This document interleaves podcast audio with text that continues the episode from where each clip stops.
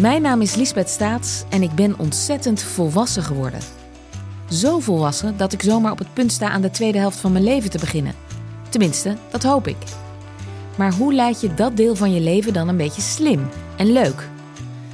Dat vraag ik in de podcast Lang zal ze leven aan vrouwen die daar al zijn.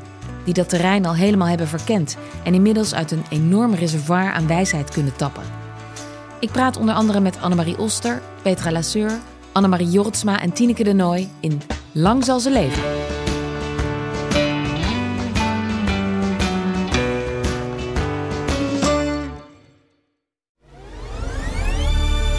Kortie Media. En ik zie wel al die tram dus meteen staan in een bocht. Dus ik zie dat hij ja, tot stilstand is gekomen op een plek waar je dat normaal niet doet. Uh, veel uh, politielinten al, maar heel wijd al afgezet. Nou, ik zal hier eerlijk bekennen dat ik wel één lint uh, over ben gegaan om dichterbij te komen. En daar stond een groepje mensen. en daar ben ik meteen op afgestapt en gevraagd wat is er gebeurd. En die zeiden, ja, er is iemand in de tram gaan, schiet, gaan schieten. en hij riep Aloha Akbar. Dit is Gonzo, de podcast waarin we praten met journalisten over dat ene verhaal in hun carrière dat ze altijd is bijgebleven. Dat kan zijn omdat het een scoop was, omdat het opzienbarend was, riskant, gelauwerd, hilarisch, ontroerend of onthullend. Of het was en is gewoon een goed verhaal. Mijn naam is Merel Westrik, tegenover me zit Frans Lomans. Frans, één journalist, één verhaal voegen we weer toe aan onze journalistieke Hall of Fame. Uh, een verhaal dit keer, redelijk recent, uit het voorjaar van 2019... Was jij al gepensioneerd in 2019? Ik was al opgehouden met werken. Ja? ja Oké. Ja, dus ik, meestal vraag jij dan aan mij of ik iets met dit verhaal heb. Ja, meestal wel. Maar deze keer draaien we het om. Oké, leuk. Dit speelde op 18 maart 2019, ja. een maandag. Ja. ja. Wat deed jij die dag? Uh, ja, dat, uh, dat kwam natuurlijk allemaal terug toen ik me aan het inlezen was in dit verhaal. Ik werkte bij RTL Nieuws als nieuwslezer. Uh, en ik werkte ook die maandag. En ik kwam me, terwijl ik aan het lezen was, kwam de dag ook helemaal zo terug. Wat er allemaal gebeurde. En ik kan me nog heel goed herinneren dat, dat er heel lang een soort live beeld stond. Kan ik me herinneren van een soort vergezicht op een gegeven moment toen er beeld was van die tram. Die je dan in de verte zo zag. En dat was heel lang ook een van de weinige beelden die er was. Dus dat beeld, het is echt een soort. Op je netvlies wordt dat dan ingebrand gedurende zo'n dag. Dus van de verte, die tram, die afzetting. En die verschrikkelijk lege stad uiteindelijk, waar dit verhaal ja. zich afspeelde. Wat, wat ook een, een. Dat hebben we in coronatijd kunnen zien, maar dat was voor het eerst dat het zo leeg ergens was, volgens mij. Het, het was een dramatische en traumatische dag, volgens mij. Voor veel mensen wel, ja, absoluut. Ja. Zo, uh, zullen, zullen we maar eens beginnen? We gaan naar onze gast. Ja. ja, in de studio dit keer Jelle Tieleman. Welkom Jelle. Dankjewel. Jelle, we beginnen altijd even met een uh, kort cv. Je begon in 2013 als stagiair bij het AD. Daar groeide je door van verslaggever naar misdaadverslaggever. Je hebt negen jaar voor het AD geschreven en daarna ben je als onderzoeksjournalist bij Follow the Money aan de slag gegaan. En vanaf januari ga je weer terug naar het AD. Je miste ze. Ja, ja en zij mij. Wat uh, mooi. Uh, het verslaggeversbloed ging toch uh, weer kriebelen. Ja. en ik ga met een hele goede collega samenwerken om mooie verhalen te maken over de wereld van de misdaad. Kijk, Welke collega? Giel Timmermans. Kijk, wat goed. Ja. Um, je hebt ook boeken geschreven, Jelle. De Hedelse afpersingszaak over de gewelddadige afpersing van een fruitbedrijf.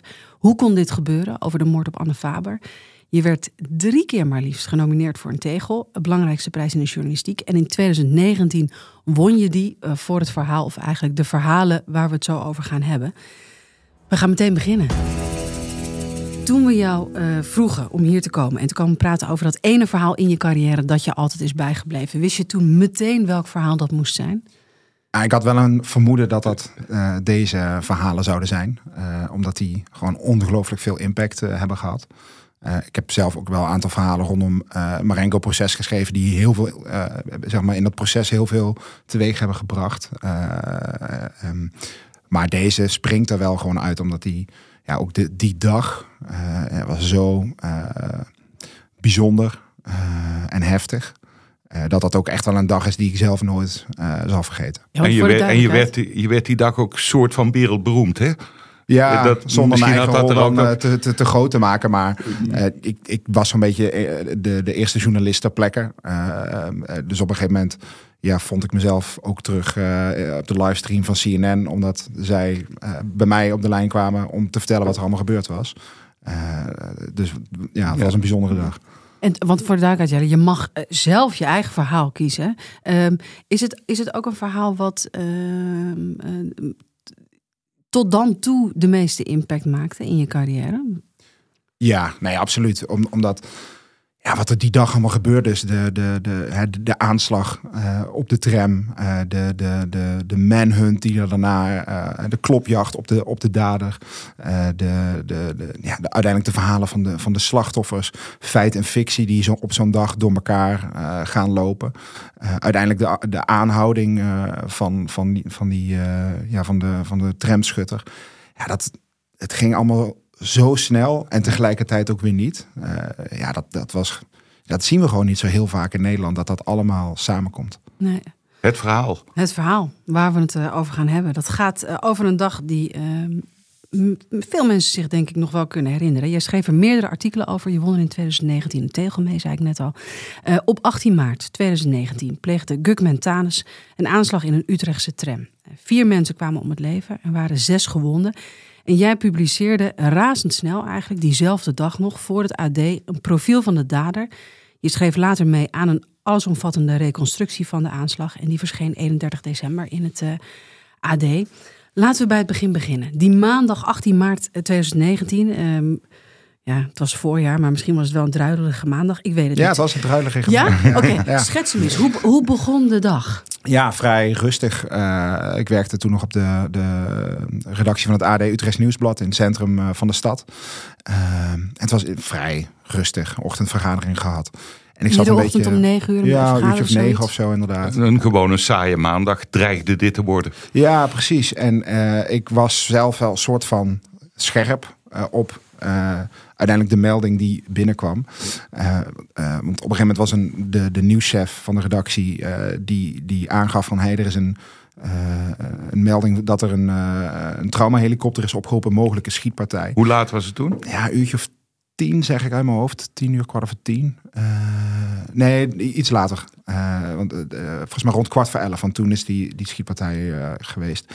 En ik was daar, lette daar dus wel een beetje op in die zin. Omdat eh, het, zeg maar, alle, al het gedoe rondom Tachi was toen al eh, eh, volop bezig. Ja, want En- schets even die tijd. Wat, wat was maart 2019? Waar zaten we een beetje Ja, dat was eh, de, de broer van de kroongetuige was op dat moment al vermoord. Tachi was al zeg maar bekend. Hè. Dat was niet eh, iemand die alleen misdaadjournalisten kende. Dat was ook echt wel bij het grote publiek langzaam iemand die bekend was. En in Amstelveen was er dat weekend een, een, een, een gewelddadig incident geweest dat je kan rekenen tot de incidenten die rondom uh, te maken hebben. Uh, en ik hield dus wel rekening met iets van een soort vergelding die dan mogelijkerwijs in, in Utrecht zou plaatsvinden. En die melding die binnenkwam, die mijn nieuwschef gezien had, was dat er dus een mogelijke schietpartij was geweest op het 24 oktoberplein. En dat ligt aan de rand van Kanaaleiland. Nou, Kanaaleiland is een, een, wijk waar heel veel jongens die te maken hebben met dat Marengo-proces of andere uh, ja, processen die daarmee samenhangen, die daar vandaan komen. Dus dat, ja, dat was wel iets waar ik uh, ja, meteen naar ging kijken. En, en, het was een buurt die je heel goed kende, ja. hè? Ja.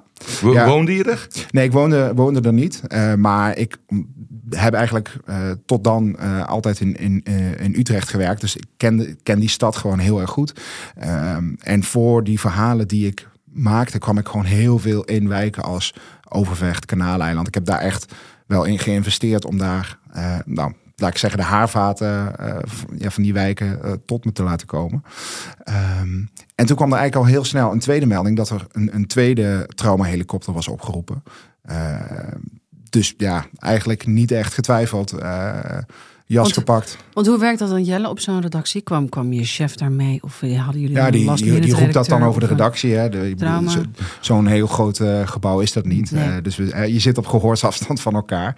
En die, eh, ja, die riep van, hé, hey, er is nou een tweede trauma-heli.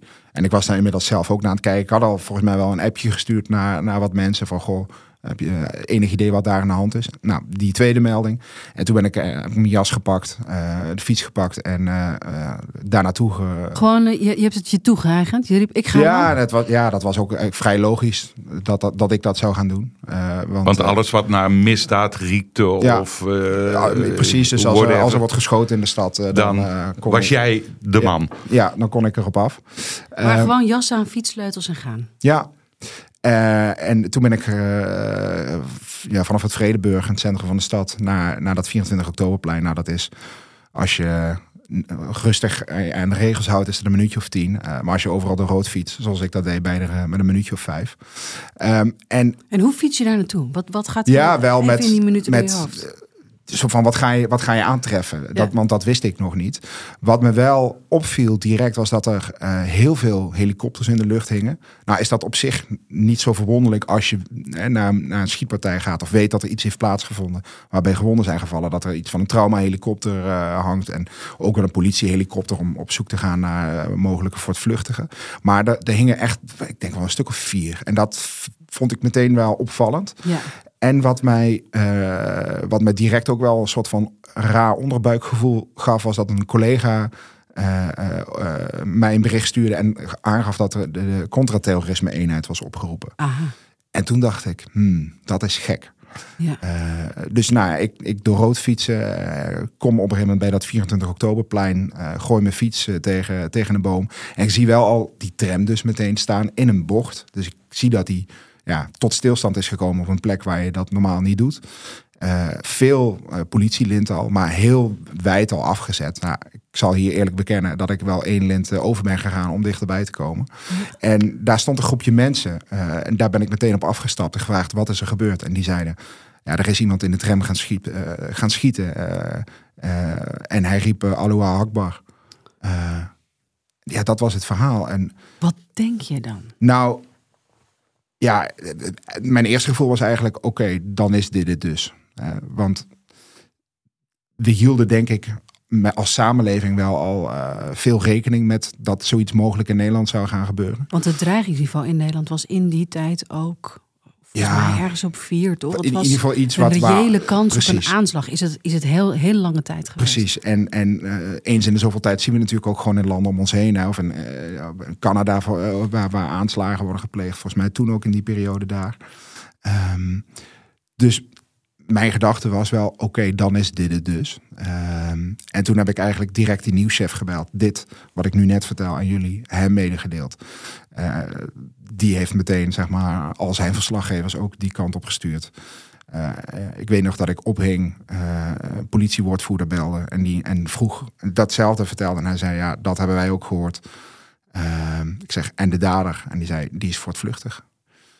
Heb jij dat toen eh, meteen eh, opgeschreven? Want eh, op, op het moment dat er mensen zijn doodgeschoten in een tram...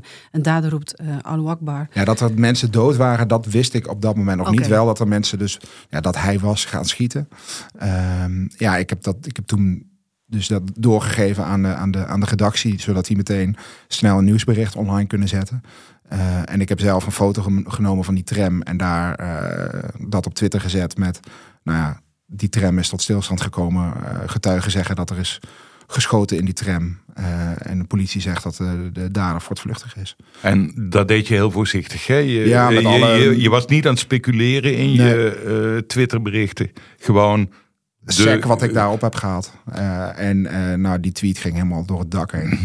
Ehm, en vervolgens ben ik ge- geprobeerd om dichter bij die tram te komen. Om ja, met mensen te spreken die daar eh, ja, in hebben gezeten misschien. Of mensen die daar eh, eh, meer over weten. Ehm, ja, en vanaf dat moment... Kon je eh, er dichtbij komen? Ja, in het begin relatief dichtbij. Dus wat je... Ik kon ook in die tram kijken. Eh, dus ik Je zag lijken? eh, ik zag dat, een, eh, dat iemand gereanimeerd werd in die tram. Eh, ja, ik zag ook eh, dat er eh, iemand onder de tram lag en dat daar een laken overheen lag. Eh, nou ja, wat je wel de. Ja, daar kun je wel uit opmaken dat die persoon eh, is overleden. Ehm, maar dat, ja, dus dat, dat, dat soort berichten. ehm, probeer je natuurlijk wel naar buiten te krijgen. Dus ik heb, ik heb daar verslag gedaan van wat ik zag. Ik heb dat van het lichaam, dat daar, dat over, die overleden persoon, dat heb ik nog niet gemeld. Omdat ik vind dat is aan de, uh, aan de politie. Ja, Of uh, instanties om dat te melden. Ook omdat het is natuurlijk heel herkenbaar voor mensen. Als je daar bijvoorbeeld schoenen onderuit ziet komen. Ja, dat, dat, je wil Ja. niet... Ja, want Ja, ja, dat is een heel, ik, heel dunne ik, lijn. Maar dat vind ik wel interessant, want je ziet natuurlijk dingen en sommige dingen zeg je niet meteen en, en sommige dingen eh, zeg je wel meteen. Hè? Dat, dat, dat, dat zullen journalisten herkennen, maar misschien mensen. Maar bijvoorbeeld een, een lichaam wat daar ligt, Ja. dat laat je nog even, toch? Ja, dat hebben, dat wat hebben zijn we je toen even... overwegingen daarvoor? Wat, hoe? Nou ja, dat we dat, dat we dat toch niet aan ons vinden, omdat eh, het is natuurlijk een heel dunne lijn. Want wat, Ja. sommige dingen zie, zie je gewoon. Maar we vonden dat nog even van laten we dat heel even eh, aan de autoriteiten om dat, eh, om dat te melden. Want, Zodat want de politie alles, de nabestaanden Ja. kan informeren. Bijvoorbeeld. Ja. want jij was de eerste journalist ter plekke. Dus Er waren al heel snel ook meerdere journalisten. Ja, Ik, ik had het geluk dat ik, eh, dat ik er als een van de eerste was, ja. Dus alles wat jij zag was in principe nieuws. Ja. Hè? Ja. Dus ik kan me ook voorstellen van dat je eigenlijk de handrem eraf haalt en denkt van verdomme, ik flikker alles op Twitter, ik flikker alles op de site. Ja, dat, is voor, dat, dat, dat kan. Eh, maar volgens mij is dat niet, eh, niet super De journalistieks. Ja, en, en eh, bovendien, oh, die situatie was ook gewoon heel hectisch. Er liepen gewapende mensen van de DSI, liepen daar de dienst speciale interventies. die, ja, die, die- er was natuurlijk ook een scenario dat die, dat die schutter mogelijk nog eh, zich in de buurt van die tram eh, ophield. Ehm, dus eh, en voortdurend ambulances die, die aankwamen rijden, die helikopters. Dus op een gegeven moment zag ik dat er twee of drie trauma-helikopters eigenlijk praktisch naast elkaar aan het landen waren. Dus er gebeurde ook heel veel. ehm, tegelijkertijd. Ja. En ik weet dus ook nog dat ik stond dus zeg maar aan de, laat ik zeggen, aan de, aan de binnenkant van de tram. Maar daar stonden dus ook nog allerlei mensen die eh, uit die tram waren gevlucht en die eh, door de politie naar het politiebureau werden gebracht om daar zeg maar hun verklaringen op te laten nemen. En ik moest daar dus op een gegeven moment ja, weg. En dan werd een soort van persvak aan de andere kant van, van, de, van de trambaan eh, opengesteld. Maar ik moest dus die trambaan oversteken. Dus ik, op een gegeven moment zei een agent van je moet hier weg. Je moet naar de overkant. Dus ik stak over. Eh, maar daar stonden dus ook die zwaar bewapende DSI-mannen met eh, eh, hun pistool, Ja, of ja. ja, hun, hun automatische vuurwapens. En die, een van die mannen die ziet op een gegeven moment dat ik oversteek en die draait zich om. Ja, ik, ik, ik- sorry Ja. jongens, maar ik heb de opdracht gekregen van jullie collega's om over te steken. Dus dat, dat gebeurde ook allemaal tegelijkertijd. En Jelle, op, wel, op welke manier, voor de duidelijkheid, eh, moest jij verslag doen? Ik bedoel, ik neem aan, je, moest, je, je, je werkt voor een krant, dus je Ja. moet sowieso eh, uiteindelijk met een Ja. artikel natuurlijk terugkomen. Maar wat moest je in de tussentijd eh, leveren? Ja, ik was de- rondom die tram, zeg maar, de, de oren en ogen. Eh, ehm, eh, en je werkt samen met al je collega's. Dus er zijn mensen die op de, eh, zeg maar, de, de, de, eh, voor de nieuws, echt de, de, voor de nieuwssite, de, de redacteuren werken. Die moet je natuurlijk proberen zo snel mogelijk van informatie te voorzien. Er zijn ook andere verslaggevers die eh, iets wijder gaan. Eh, dus op een gegeven moment was al heel snel eh, het verhaal dat de, de schutter er in een rode Clio eh, vandoor was gegaan. Er zijn andere meldingen die binnenkomen.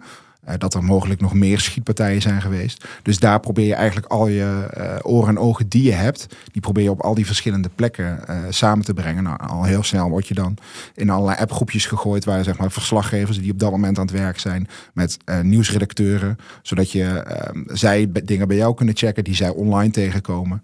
Dus zo probeer je eigenlijk zo snel mogelijk een soort van structuur op te zetten waarin je heel snel met elkaar kan schakelen.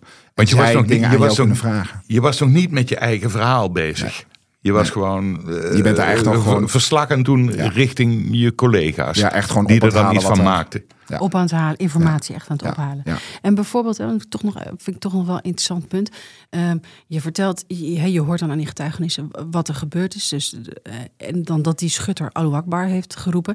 Is dat dan iets wat, je op, wat jullie op zo'n moment dan besluiten naar buiten te brengen? Of is dat ook nog iets waarvan je denkt, eh, moeten we even terughoudend mee zijn? Want daarmee zet je natuurlijk, de, Ja. is het of een aanslag of het is een terroristische aanslag. En, en misschien de, het gevoel van mensen die dat lezen is dan ook misschien iets anders.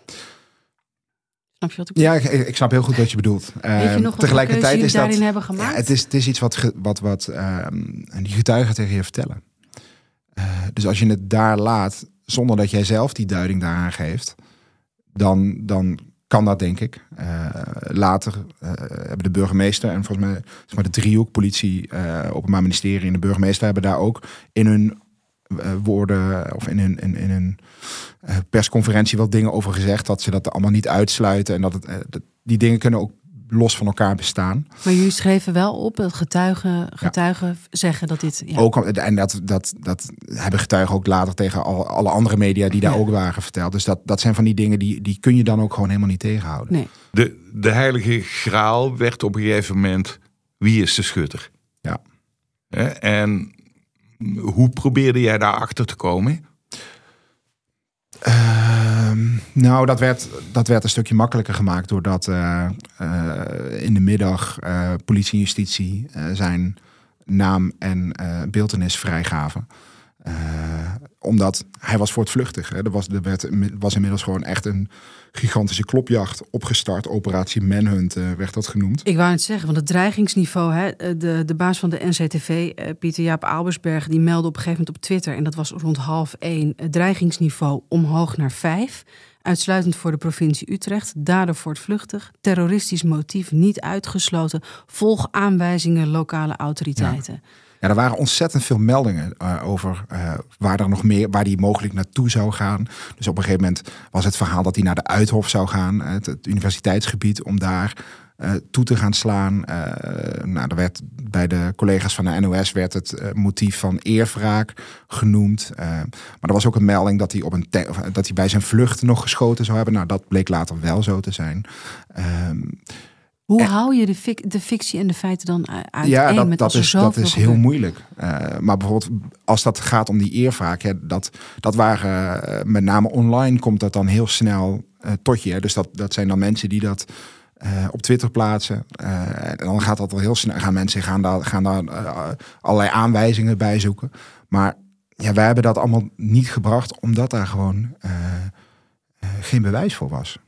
Op dat moment. En op het moment dat je dat niet hebt, moet je dat dus ook niet doen. Z- Zat dat in jou, die eh, terughoudendheid? En Ja, maar alleen maar fout? Of zat het gewoon wel heel, bij heel de krant? Bij, bij iedereen. Eh, Ja, ja. Want eh, uiteindelijk, eh, ik heb die tegen gewonnen, maar samen met drie andere collega's. Maar er zijn die dag zoveel mensen mee bezig geweest. Eh, in Rotterdam, eh, in Utrecht. Eh, en dat zijn, met al die mensen hebben we dat samen gedaan. Eh, en al die mensen, vergeef me de woordkeuze, maar die waren allemaal niet trigger happy. eh, om eh, ja, dat soort, Ja. eh, achter dat soort zeg maar, hypes aan te gaan. Ja. Dus alles wat je hoort, eigenlijk zoek je uit, probeer je te verifiëren. Zo lukt dat niet, niet melden. Ja, en Ja. eh, ja, zo'n dag. eh, ik ben ook wel blij dat ik zeg maar gewoon ter plekke was en dat niet eh, dat je achter je laptop zit en dat allemaal tot je eh, krijgt. Want dat, dat zijn ook wel hele moeilijke keuzes om te maken. Als je de hele tijd maar voorbij ziet komen Ja. dat er op die en die plekken eh, dat er mogelijk ook geschoten zou zijn en zo. Dus het, eh, je wordt heel snel ook in zo'n fuik geduwd. Ja. Je hoorde op een gegeven moment de naam van de schutter. Wat gebeurde er toen? Eh, nou, ik kreeg al heel snel eh, berichten van mensen die kennen we. Eh, en Wat- dat is van, niet van- wat voor mensen kreeg je die berichten? Ja, eh, eh, mensen die, ja, die ik zeg maar in mijn journalistieke werk ben tegengekomen uit wijken als Overvecht en Utrecht. Maar wacht even, dan wil ik even. Want, want wist jij al eerder, want om half drie ergens in de middag is de foto van de schutter vrijgegeven door de politie. We zijn op zoek naar deze man. Wist jij het daarvoor al? Of, Nee. of dat was het moment Nee. waarop je... Nee, het, het, het verhaal was wel op een gegeven moment wel. Hij is er in een, in een rode Clio vandoor gegaan. Eh, later bleek hij van een, eh, van een automobilist die naast de, zeg maar, of iets achter de tram stond. Eh, omdat hij ook op auto's is gaan schieten. Die man is uit zijn auto gevlucht. En hij is in die ja, eigenlijk openstaande auto gestapt en er vandoor gegaan. Ehm, dus overal in de stad werden rode, eh, rode Clio's eh, zeg Van de maar, weg eh, gehaald, ja, ja. ja, dus dat, dat gebeurde. En op een gegeven moment was er wel een melding. En daar is een eh, collega van mij, Peter Koop, naartoe gegaan. eh, in, in de wijk Ondiep. Daar werd die rode Clio daadwerkelijk ook aangetroffen. Dus nou, je kan je voorstellen wat daar dan allemaal aan de, aan de hand was. Onderzoeken, invallen, et cetera. Eh, dus dat is wat we wisten. En op een gegeven moment werd natuurlijk duidelijk dat het uh, deze Gugman was. En waarom? Omdat de politie natuurlijk razendsnel de beelden, de camerabeelden uit die tram zeg maar, is gaan bekijken. En daarop is gewoon te zien wat er gebeurt. en de beeldenis van die man, die wordt dan zeg maar in de interne kanalen van de politie gedeeld. om zeg maar de, alle kennis die er in de hoofden van die agenten zit, te gebruiken kennen we deze man? Nou, heel snel was duidelijk, ja, dat is die en die. Nou, dan wordt dat gecheckt, dat bleek zo te zijn. Uh, en toen is gevraagd aan uh, zeg maar, ook de landelijke top van het Openbaar Ministerie: kunnen we hiermee naar buiten? Kunnen we zijn identiteit eruit gooien? Ja, dat kan. Uh, en in, daarna, inclusief achternaam. Ja, ja. ja. Ja, en, uh, nou, en toen kwam dus al heel snel kwamen er allerlei mensen naar mij uh, en die zeiden ja, die kennen we en dat, uh, dat, is, dat is niet zomaar iemand. En toen begon zich een verhaal in jouw hoofd te ontwikkelen. Jij wist toen van ik ga nu het zo goed mogelijke portret van deze schutter schrijven. Ja, omdat je er kwamen zoveel verhalen. en, en, tegelijkertijd konden uh, collega's van mij ook, zeg maar, omdat we zijn naam hadden, die door de rechtbank rollen halen. Uh, dus zeg maar zijn, zijn justitiële verleden uh, achterhalen. En daar rees meteen ook een beeld uit. Nou, dat, dat correspondeerde met de verhalen die, die, uh, die ik hoorde van mijn bronnen. dus al heel snel kon ik ook bij mijn nieuwschef gaan vertellen... ja, ik denk dat ik wel een goed profiel van deze man kan gaan maken. En daar is natuurlijk ook meteen de vraag van, vanuit de redactie... van op het moment dat die naam er is... ja, dan wil je natuurlijk, wie is dat? Dus dat is ook ja. automatisch een vraag. Uh, dat is dan de behoefte. Dat is de behoefte. Weten, wie is die man? Wat heeft hij op zijn kerfstok? Uh, wat heeft hij gedaan? Wat precies. En dat konden, we, uh, dat konden we ook maken. Want, want het is echt heel bewonderenswaardig wat jij in betrekkelijk korte tijd hebt gedaan. Hè? Van rond half drie kreeg je de naam. Om volgens mij vier of vijf minuten over acht stond er op de site van het Algemeen Dagblad het portret dat waarvan je denkt, hé, hey, daar heeft iemand wel een week aan gewerkt. Maar dat had je dus een paar uur aan gewerkt, ja. hè? Ja. Ja, ik denk dat als ik uh, er een week voor had, dat het iets mooier opgeschreven was. Uh, dus het is redelijk recht toe, recht aan. Uh, maar daar was denk ik in dit geval ook wel behoefte aan. En Wie heb je allemaal gesproken ja. voor het portret? Ja, veel mensen die, uh, die, die hem kennen of die met hem zijn opgegroeid. die ehm, wisten van zijn, van zijn uh, uitspattingen. Uh, dus het, is, het was iemand die uh, een maand lang de, de, de meest dogmatische salafist kon zijn. die zeg maar de, de, de, de, die imam kon gaan uitleggen wat hij allemaal verkeerd deed.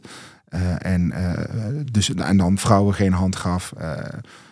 Um, maar drie maanden later kon hij weer uh, met, met een blik bier door de straten lopen en jointjes roken. En, uh, en, en had hij uh, contact met, met hele jonge vrouwen. Ehm, dus het was iemand die echt alle kanten opging. En, en, ook ja, gewelddadig was. Ja, want hij had ook een strafrechtelijk verleden. Hè? Ja, dat, absoluut. Waar jullie ook betrekkelijk snel achterkwamen natuurlijk. Ja, omdat ja, wij, uh, wij slaan al die, al die rechtbankrollen op. Uh, omdat je dan natuurlijk heel makkelijk uh, daarna terug kan gaan zoeken op het moment dat je een naam hebt. en in dit geval kwamen ze naam wel een aantal keer, aantal keer tegen. bijvoorbeeld een zaak waarin, waarin hij dus met een, met een vuurwapen al schietend door de wijk was gegaan. maar ook een, een, een, een, verkrachtingszaak waarin hij verdachte was. Dus daar kon je al heel snel allerlei details uithalen die, waardoor je ja, inkleuring kan gaan geven aan wie is zo iemand dan. Gecombineerd met de verhalen uh, die ik op straat ophaalde, mensen die hem kenden, uh, konden we daardoor heel snel uh, ja, dat profiel van hem maken. En had je het idee dat je hem kende na al die soort van? ja, ja en nee. Ja, ja. Omdat, omdat, het, omdat het een paar anekdotes waren die, die je heel beeldend kan maken. Nee, omdat op het moment dat je hem daadwerkelijk, ja, ontmoet is niet het goede woord, maar dat je, dat je hem ziet in de rechtbank en, en, en daar ook hoe die daar dan tekeer gaat. Daar gaan we misschien dadelijk nog wel over hebben. Uh, ja, dan, dan zie je dat pas echt natuurlijk. Uh, maar als journalist ben je dat natuurlijk wel vaker aan het doen. Hè? Dat je, dat je uh, echt in iemands leven aan het duiken bent. Uh, dus dan, dan leer je zo iemand wel kennen. Want jij ontmantelde, ontmantelde in uh, jouw verhaal een terroristisch motief, hè? Ik bedoel, dit, dit, hij was niet onderdeel van een georganiseerde Nee, die die terroristische club. Nee, in die zin dat hij. eh, eh, dus de, de aanslag is niet geclaimd door IS of door Al-Qaeda of wat dan ook. Eh, later is wel gebleken dat hij eh, die aanslag wel vanuit dat motief heeft eh, gepleegd. Maar dat is allemaal later, hè? Want, Dat- heel, ja. e- want heel even op de, op de dag zelf, eh, wat je vaker ziet bij terroristische aanslagen, is dat het begint met één aanslag en Ja. dat zet de rest in gang. Ja. Eh, in hoeverre op het moment dat om half drie zijn naam werd gepubliceerd en jij hoorde wie hij was, ehm, zat jij nog in de veronderstelling dat er nog meer zou kunnen gebeuren? Of hoe, hoe zaten jullie daarin? Nou, dat was wel iets waar ik denk met name in die eerste uren wel rekening mee werd gehouden. Ja. Eh, en dat was ook al heel snel dat, ja, dat de stad echt op, eh, op, op- in een soort lockdown ging. Wat een heel eh, bizar. eh, ik bedoel, nu kennen we het allemaal van corona. En we- ik zou zeggen, weten we bijna niet beter. Maar toen zagen we dat voor het, eh, zag ik het voor het eerst. En dat, dat was, dat was ja, bijna beangstigend. Dat het overdag is en dat de straten gewoon uitgestorven zijn. Ehm, ik denk dat al dus halverwege de middag dat wel duidelijk werd dat, dat het zich echt voornamelijk op hem concentreerde. En dat Eh, het een eenling was. dat het een eenling was, ja. ja. Oké, dus dat werd, wel, dat werd wel een beetje weg. Is er ergens eh, enig moment geweest dat je daar stond en dat je daar bezig was, dat je een onveilig gevoel had? Of Nee, niet echt. Daar was, daar was ik niet echt mee bezig. Wat ik me wel nog kan herinneren, ehm, is dat eh, de politie deed natuurlijk eigenlijk op alle mogelijke plekken waar hij zich zou kunnen bevinden invallen. Ehm, nou, zijn, zijn familie woonde ook voor een groot gedeelte in die wijk Kanaleiland. Nou, als je op dat 24 oktoberplein staat en je kijkt naar rechts, nou, dan, hè, dan zie je Kanaleiland eh, liggen. Nou, het kenmerkt zich door nou, best een, een, een eh, groot aantal eh, wat hogere flats. En op een gegeven moment zag je dus wel eh, die, van die drones zeg maar, boven die, die flats opstijgen. Je zag arrestatieteams uit, uit van die hele snelle Audi stappen. En op een gegeven moment werd er wel... Dus je zag dat en je hoorde dat, maar je, je bent er niet, bij. En zo dichtbij konden we ook niet komen. En ik weet nog wel dat op een gegeven moment een aantal agenten begon te rennen. Eh, eh, en op een gegeven moment ook een ambulance in zijn achteruit ging. En dat ik dacht, hmm, wat gebeurt hier? Later bleek dat was daar helemaal niks aan de hand. Maar dat, dat heb je natuurlijk helemaal niet door op zo'n moment. Dat is eigenlijk het enige moment dat, dat ik zelf ook dacht. Oeh. Ik weet eigenlijk niet zo goed wat er nog, misschien nog meer gaat gebeuren. Of waar we tegenaan gaan lopen. Want er werden veertien invallen eh, die dag gedaan. Ik kan me ook zo voorstellen dat als je daar eh, toch een beetje, zoals jij daar als spin in het web als journalist eh, stond, dat je dan ook heel veel informatie tot je krijgt, bijvoorbeeld van die, eh, van die invallen. Je kan niet overal bij Nee. zijn. Je kan niet overal Nee, verslaggevers gelukkig niet. bij Eh, dus er zijn, waren heel veel verslaggevers, eh, collega's op pad.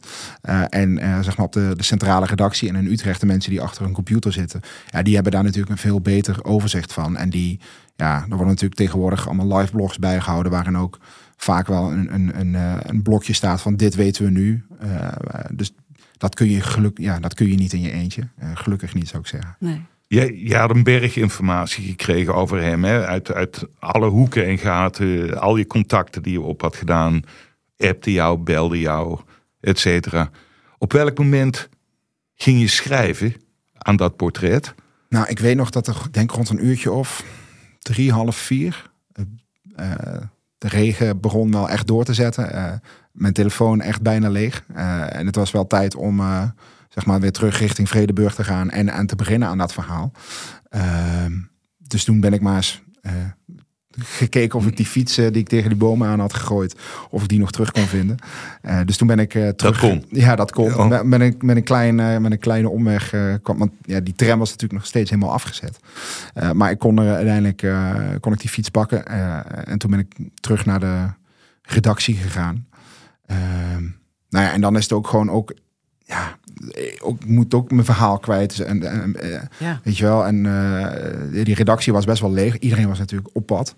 Ehm, ja, en dan ga je gewoon ook overleggen met je, met je chef van oké, welke verhalen komen er in totaal? Wat, wat willen we? Eh, welk verhaal eh, gaan we in Utrecht maken? Moet er een verhaal voor landelijk? Nou, mijn verhalen gingen dan voor landelijk, een profiel van, van die dader.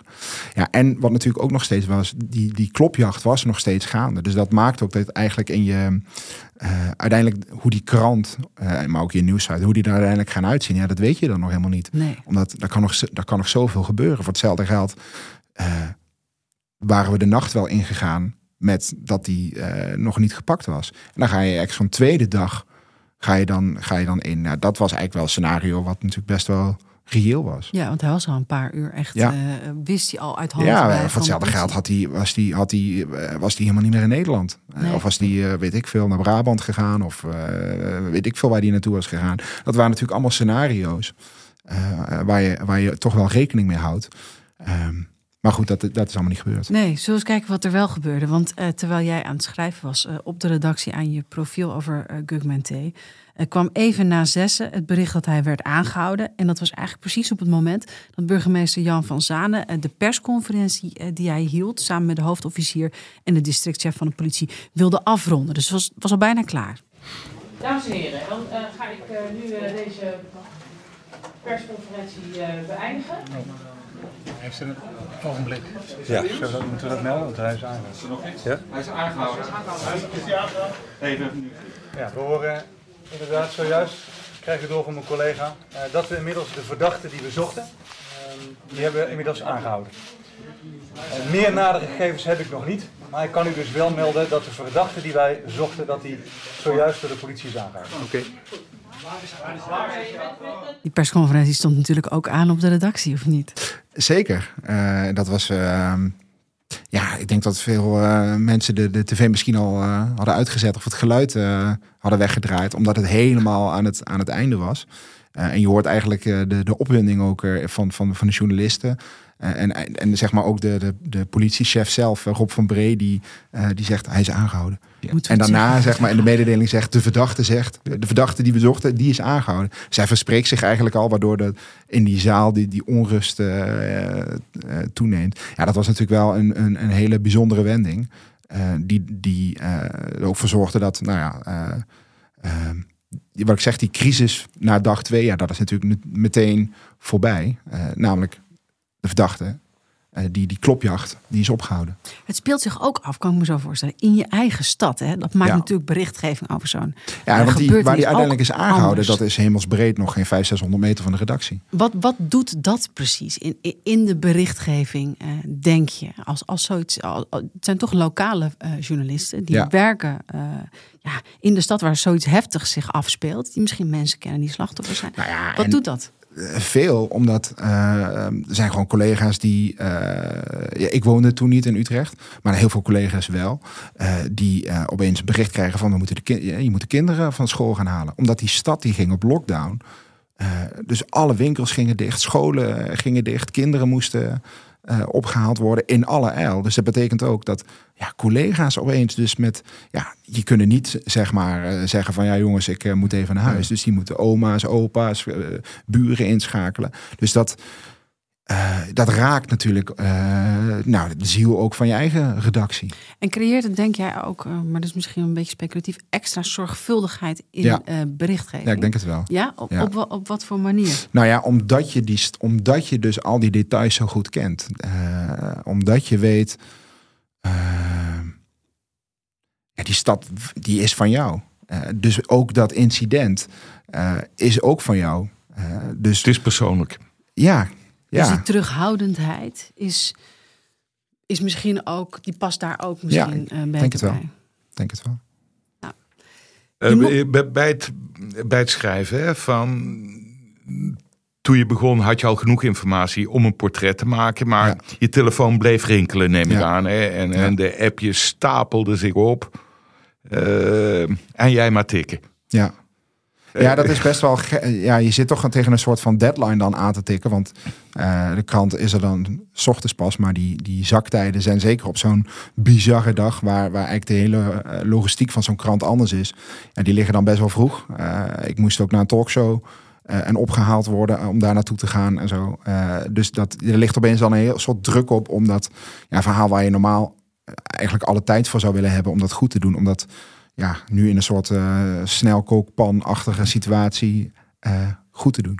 Je mocht diezelfde avond uh, aanschuiven bij uh, Pauw en Jinek. En het was uh, twee dagen voor de provinciale statenverkiezingen. En zij maakte toen iets wat andere uitzendingen. Echt verkiezingsuitzendingen. Dit is hoe de aankondiging van die avond ging toen jij er zat. Vanavond geen Pauw en Jinek de verkiezingen vanuit Arnhem. Maar een aangepaste uitzending vanuit onze eigen studio in Amsterdam. Vanwege die aanslag in Utrecht. Met ooggetuigen Daan Molenaar en AD-verslaggever Jelle Tieleman. Die als eerste journalist ter plaatse was. Namens de politie Utrecht Rob van Bree en Bernard Jens. Terreurdeskundige Bart Schuurman en politiek commentatoren Frits Wester en Joost Vullings. Welkom bij Pauw en Jinek, de verkiezingen.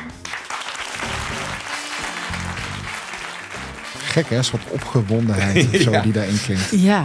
Ja, heel heigerig, hè? Ja, was terwijl hij het. praat bedoel- natuurlijk altijd zo, maar toch voel je Ja. alsof het een talkshow als, Ja. nou, die ook vanavond zou kunnen. Ja. Het is verkiezingstijd. Ja, Ja. dus ze hebben. eh, had je al eens eerder in een talkshow gezeten eigenlijk? Ja, Ja, dat ja. wel al wel. Oké, dus je was niet eh, dat je dacht, eh, ook dit nog eens als primeur. Dat was het niet. Nee, dat niet. Nee. Nee. Maar toch, eh, het blijft bij een talkshow altijd wel, je moet er altijd wel op blijven letten. En eh, nou, ik besef me altijd wel dat je voor een potentieel heel groot publiek zit en dat, dat er fragmenten van worden losgeknipt en op social worden gezet. En dat dat, dat misschien anders uit kan komen wat je bedoelt. En dat je je een beetje netjes moest kleden. ook dat. Ja? Ja. Want, De- Was dat gelukt? Nou ja, die, die, eh, ik had een hele leuke trui aan die dag. eh, met een Bert en Ernie eh, print. Oh, om de druilerige maandagochtend een beetje op te Precies. vrolijken. Precies. ja. Ehm, maar ja, op een gegeven moment eh, eh, kwam ik er dus achter dat ik eh, s s'avonds op tv moest komen. En ik dacht, ja, het is eigenlijk geen porum om dan Nee. bij zo'n onderwerp... eh, met Bert die en Ernie. Ja, eh, ehm, dus ik moest, eh, maar ik had ook geen tijd om naar huis te gaan, want ik moest, eh, moest dat verhaal afmaken en eh, je moet dan op tijd in zo'n studio zijn. Eh, ehm, dus ik dacht, ja, moet toch kijken of er in de stad nog iets open is. Dus ik ben ook nog, toch nog even heel snel die redactie afgegaan om te kijken, is er niet nog een winkel die toevallig wel nog open was? Nou, dat bleek niet het geval. Maar er was nog één winkel eh, die, eh, waar het personeel nog zeg maar eh, rustig af aan het sluiten was. En waar de deur soort van half open stond. En zij liepen net naar buiten. En ik zei, jongens, ik heb een hele gekke vraag. Kijk welke trui ik aan heb. En kijk, dit moet ik vanavond gaan doen. En toen zeiden ze, nou, loop maar even naar binnen. En toen heb ik in tien minuten tijd, nou ja, maar even een, een overhemd van de, uit de kast getrokken. En dat aange, aangeschaft. Heb je die nacht überhaupt een oog dicht gedaan? Nee, Jelle? niet echt. Nee. nee, dat is echt eigenlijk alleen maar adrenaline van, van die dag. Eh, maar ook van, van zo'n programma en alle toeters en bellen die daar dan komen kijken. Eh, dat je volgens mij vooral nog bezig bent om dat allemaal een beetje te verwerken. Misschien ook de impact wel van wat je hebt gezien. Want het is ook niet, blijft, kijk, we doen er heel feitelijk over, maar het blijft gewoon niet niks. Er zijn gewoon mensen doodgeschoten in Ja. de tram. Dat is natuurlijk afschuwelijk. Klopt. Ehm, dus ja, dat, dat, je bent eigenlijk die dag ook een soort van het, aan het herbeleven. Ja. Eh, en ik wist ook dat ik weer heel vroeg eh, op moest. eh, omdat ik in de, het AD-ochtendprogramma, dat, dat er toen nog was, in Rotterdam moest ik heel vroeg zijn. Volgens mij moest ik dan zeven uur zijn. Ja, als je dan weet dat je heel vroeg moet opstaan en het is al heel laat en je bent al heel moe, is meestal niet het beste recept voor een goede nacht. Nee. Hey, hoe, hoe waren de reacties eh, nadat om eh, vijf over acht jouw eh, verhaal op de site stond? Het, het profiel van de dader. Volgens mij wel goed. Omdat het denk ik ook een heel compleet verhaal was over hem. En ehm, ik denk ook, er is later niet heel veel meer aan toegevoegd, denk ik. Wel op, op detailniveau. Ja. Maar zeg maar het beeld dat er van hem was, namelijk, ja, volgens mij noemt iemand hem in dat verhaal een totale gek. Ja. Eh, ja, dat, dat is het ook wel. Ja. Eh, dus op detailniveau eh, zijn er echt wel nog wel eh, eh, eh, zeg maar nieuwe anekdotes misschien aan toegevoegd of, of eh, eh, nuanceringen. Eh, maar Maar de een- een basis, de nieuw- basis deugde wel, hè? ja, een nieuw inzicht Het was over heel hem compleet. Ja, het was is heel er, is er compleet. denk ik niet gekomen. Nee. Want je, ik, ik neem aan, misschien heb je het eh, voor deze opname nog wel een keer teruggelezen. Eh, kon het de toets der eigen kritiek doorstaan? Ja, kan altijd beter. En wat ik zei, eh, als, je, als, je, als ik langer de tijd had gehad, dan was het knapper opgeschreven. Eh, maar voor, voor, voor, die, eh, zeg maar voor die tijd en context eh, niet ontevreden. Een paar Zegt maanden- hij heel bescheiden. Ja, absoluut. Een paar maanden erna eh, schrijf je een reconstructie. Hè, maak je eh, vanuit eh, alle denkbare perspectieven van de betrokkenen. Vanuit eh, politie, burgemeester, hoogwaardigheidsbekleders. Bijvoorbeeld ook eh, vanuit de man in wiens auto eh Gugman T. was weggevlucht. Wist je meteen dat je dat nog wilde gaan schrijven? Ja, en daar was natuurlijk ook wel de behoefte aan vanuit, vanuit, de, vanuit de krant. Eh, en ook vanuit eh, de andere collega's, Tobias van Hartogkaller, eh van der Wal en Peter Koop. Eh, met Peter heb ik eigenlijk eh, vanaf, ja, ik denk de dag daarna dat we wel tegen elkaar zeiden, ja, dit, dit is ons verhaal, hè, dit, is onze, dit is bij ons gebeurd in onze stad. Ja, alles wat er gebeurt rondom deze zaak, Gaan wij maken. ja, maar Ja, ook Dat snap ik. dat willen we uitzoeken. Dus Ja. we willen eigenlijk dat er geen enkel open eindje meer is. Geen, geen, eh, alle vragen die je kan bedenken, willen we gaan beantwoorden. En vanuit wat voor, w- alle vragen die er zijn, eh, wat, wat voor soort vragen? Ook, wat voor soort vragen lagen er nog? Wat nou ja, die in er waren er bijvoorbeeld signalen dat, hij- dat hij dit heeft voorbereid.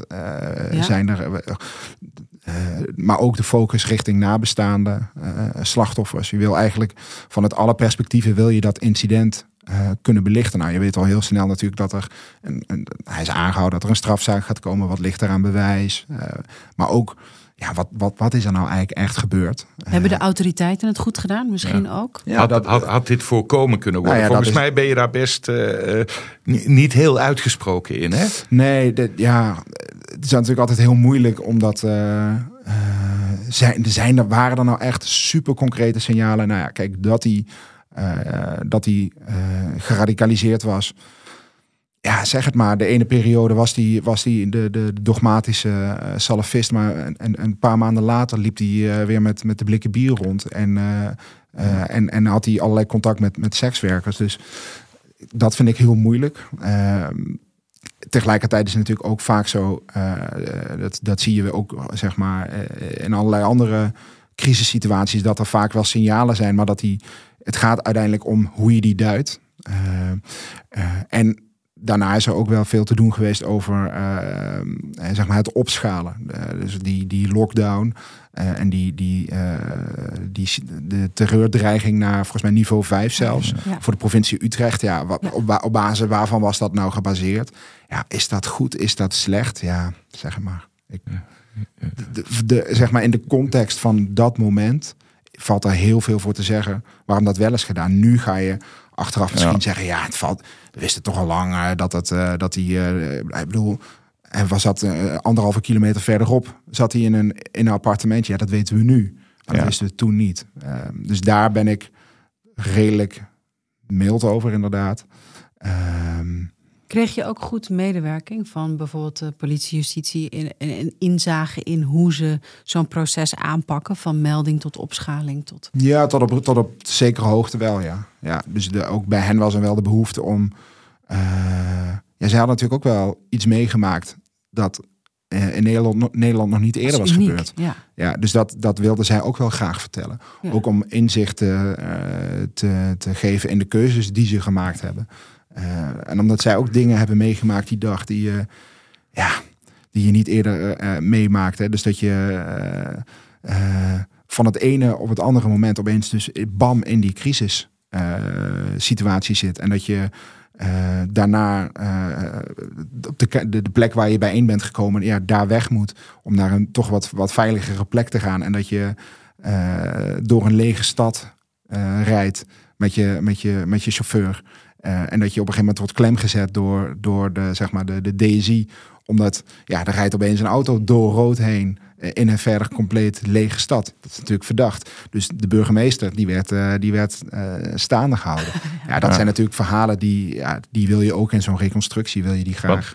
Een mooi Wa- wa- detail. wa- ja. een reconstructie stijgt boven iets gewoons uit door dat soort details. Vind hè? ik wel, vind Toch? ik wel. Ja, ik denk eh, van A tot Z schrijven, dat kan denk ik iedereen. Maar het zit hem denk ik in, in heel veel details eh, Ja. boven water halen. En die ook beeldend opschrijven. Omdat eh, je dan het gevoel krijgt dat je ja, toch dat je erbij bent. En volgens mij voor het, het, het, het, ja, het narratieve, dat je erbij bent, is dat heel belangrijk. Ja. In de show notes eh, is overigens de reconstructie eh, terug eh, te lezen, zeg ik er alvast. Je schetst ook heel mooi hoe. er is één, was dat de, de baas van de NCTV, die, die bij Piet Hoekstra, Ja. de ambassadeur, aan het kennismaken Ja, dat is een anekdote die politiek verslaggever Tobias Den Hartog heeft opgehaald. Ja. Die daar ook goede contacten heeft. Ja, en die daar... ja, volgens mij was, was Abelsberg zijn, zijn, zijn telefoon, die lag, had hij niet bij zich. maar die lag in de, in de dienstauto. Ja, grappig. En die kreeg het dan via de ambassadeur te horen dat het gebeurd was. ja Die d- dat hij, dat hij misschien even het gesprek moest gaan verlaten. Ja. Ja. Ja. Ehm, Maar geeft ook wel weer aan dat, eh, zeker in die beginperiode, dus volstrekt. on- kijk, nu weten we, het heeft zich alleen tot Utrecht beperkt en in die tram. Maar op dat moment, ja, is het nog volstrekt onduidelijk. Hè? En dat dus zelfs tijdens een gesprek met de Amerikaanse ambassadeur wordt gezegd: oké, dit is wel, dit kan Ja. zo groot worden. Misschien moet je het gesprek even gaan verlaten. Ja. Je hebt eh, met je collega's, je noemde ze al, Peter Koop, Carla van der Wal en Tobias den Hartog, dus die tegel gewonnen voor jullie verslaggeving eh, en de reconstructie van deze aanslag. Eh, hoe, voelt, voelt dat dubbel om een tegel Ja. te winnen voor, zo'n verhaal? Ja. Ja? Ja, tegelijkertijd, kijk, ik ben het wel gewend om. ik schrijf meestal over ellende. Als je schrijft over misdaad, dan gaat het over het verdriet en de ellende van anderen. Ehm, maar het is ook wel raar om dan zeg maar bekroond te worden en dat ja, voor iets ja, wat uiteindelijk voortkomt uit iets heel erg verdrietigs. Wat, wat ook vier doden heeft gekost. En dan eh, moet je eigenlijk je handen omhoog steken als je een prijs wint van hiep hiep hoera. Het is, het is kijk, het, het dubbele is dat het journalistiek onwijs interessant is, omdat het nog nooit eh, zoiets op die schaal eh, was gebeurd. Tegelijkertijd is het journalistiek natuurlijk ook een kans om je, ja, ook als krant te onderscheiden. Dus dat, ja, dat is heel dubbel. Eh, maar ik denk dat wij ook nooit uit het oog zijn verloren dat er, ehm, ja, dat er mensen zijn overleden, dat er eh, eh, mensen zijn die hun dochter zijn verloren, die hun vader Ja. zijn verloren, die een, ja, gezinnen die gewoon stuk zijn gegaan hierdoor. Ehm, en we hebben ook daar veel aandacht aan besteed. Dus we hebben veel met slachtoffers gepraat en ook dat podium gegeven. Ehm, en dat is ook iets dat tijdens, denk ik, eh, eh, tijdens de strafzaak wel echt eh, wel heel erg aan de orde kwam. Zeg maar het gedrag van de tramschutter tijdens die strafzaken. Dat was ook zo bizar. Hoe hij. Ja, vertel eens. Hoe... nou, op een gegeven moment was het sowieso zijn hele houding was. hij wilde nergens aan meewerken. Hij hij minachtte eigenlijk nou, iedereen. Bespuugde zijn advocaat. Dus werd, werd hem een advocaat toegewezen door, door, de, eh, door de rechtbank uiteindelijk. Eh, nou, die advocaat die wilde op een gegeven moment iets zeggen. Eh, nou, die werd meteen in zijn gezicht gespuugd. Nou, dat geeft al aan. Dat het, dat, bedoel, dat gebeurt niet iedere dag. En later, toen de, de slachtoffers de, de kans kregen om hun verhaal te doen, die sowieso onwijs indrukwekkend waren, was, er, was er iemand die ehm, ja, heel krachtig vertelde over eh, wat ze dan toch maar eruit haalden. Uit al die verschrikkelijkheden. Namelijk, ik ben er nog. En ik probeer wat te leven of te gaan maken van mijn leven. Eh, eh, en dat hij daar zo walgelijk op reageerde. Zo jammer dat je er nog bent. En dat ging zo door, ja, door merg en been. Dat de, de, hij werd onmiddellijk weggevoerd. Eh, maar er ging echt een schok door die, door die zaal. Dat je ze zelfs op dat moment ja, zo weinig, of zo weinig, gewoon nul respect, minder dan nul respect hebt. Dat was, dat was echt heftig. En er waren ook echt eh, belangstellende nabestaanden, maar ook journalisten die eh, echt de, de ruimte ook even nodig hadden om gewoon heel even, ja, e- echt even het weg te zuchten. Ja, het was heel heftig. Denk jij, ehm, denk je ehm, nog vaak terug aan dit verhaal? Of, of met vlagen? Of, of- Ja, niet dagelijks, maar eh, nou toch wel met enige regelmaat. Ook omdat ik nog veel eh, in Utrecht kom. Eh, en als je de stad inrijdt, dan rij je eigenlijk, als je van de snelweg komt, over dat 24 oktoberplein heen. Eh, een goede vriend van mij, die, eh, die eh, woonde ook daar in de buurt. Dus ja, dat zijn altijd momenten dat je eraan denkt. Sowieso natuurlijk altijd de, de dag dat het gebeurde. En dan probeer ik ook altijd nog wel met een aantal nabestaanden met wie ik contact heb, om, om hem dan een bericht te sturen. En even te laten weten dat ik aan ze denk. En En de tramschutter zelf komt ook met enige regelmaat nog wel in het nieuws. Als die weer in de gevangenis uh, een pan olie over een uh, cipier heeft gegooid. dat, volgens mij staat hij vrij binnenkort weer voor de rechter. ondanks dat hij levenslang heeft gekregen, willen ze hem toch vervolgen. Op wat voor manier heeft dit verhaal jullie jou beïnvloed? Of heeft het je werk beïnvloed? Of heeft het iets gedaan met je hoofd waardoor je nu misschien wel toch anders verslag doet van dingen? Of hoe, wat heeft het gedaan met jou? Nou, ik denk dat ik weet dat ik onder zulke situaties wel heel rustig kan blijven. Ja. Uh, dus dat is op, geeft op zich wel een prettig gevoel. Dat je eh, ook als het uh, de, nou ja, zo heftig wordt, dat, je, dat je kan blijven functioneren en, en ook goed. Uh, en ja, wat ik zeg, frank genoeg is het ook voor jezelf een soort van kickstart uh, waardoor je, nou ja, je naam is voor altijd verbonden aan zo'n heftige zaak. Uh, wat voor je persoonlijke cv niet verkeerd is. Uh, en wat ik zeg, journalistiek was het ehm, ja, hen, wel een heel dankbaar onderwerp. Eh, en ben je trots op de zorgvuldigheid die jullie hebben toegepast? Ja, ja. ja, ja want jullie hebben echt nul fouten gemaakt, hè? Ja, vast, vast wel. nee, maar niet... maakt fouten, maar geen noemenswaardige blunders of zo. Nee, denk ik niet. En daar ben ik wel heel blij mee. En je hebt natuurlijk bij, bij heel veel onderwerpen dat er altijd wel losse eindjes zijn of journalistieke vragen. En die kan ik me bij dit verhaal gewoon niet zo heel erg uh, bedenken meer. Dus eigenlijk alle. Het onderwerp is echt wel een soort van afgesloten. Dus er is nergens in dit verhaal eigenlijk nog een los eindje. Wat we eigenlijk altijd vragen aan het eind. Is er nog een los eindje in dit verhaal? Of iemand die je nog zou willen spreken? Uh, nee, ik denk het niet. Nee. Uh, weet je, zijn, je kan altijd verhalen bedenken. Dus bijvoorbeeld de, de, de chauffeur van de tram. Uh, die, die zijn verhaal zou kunnen doen. Uh, of mensen die, uh, als het dadelijk, ik denk dat een 24 is dan vijf jaar geleden.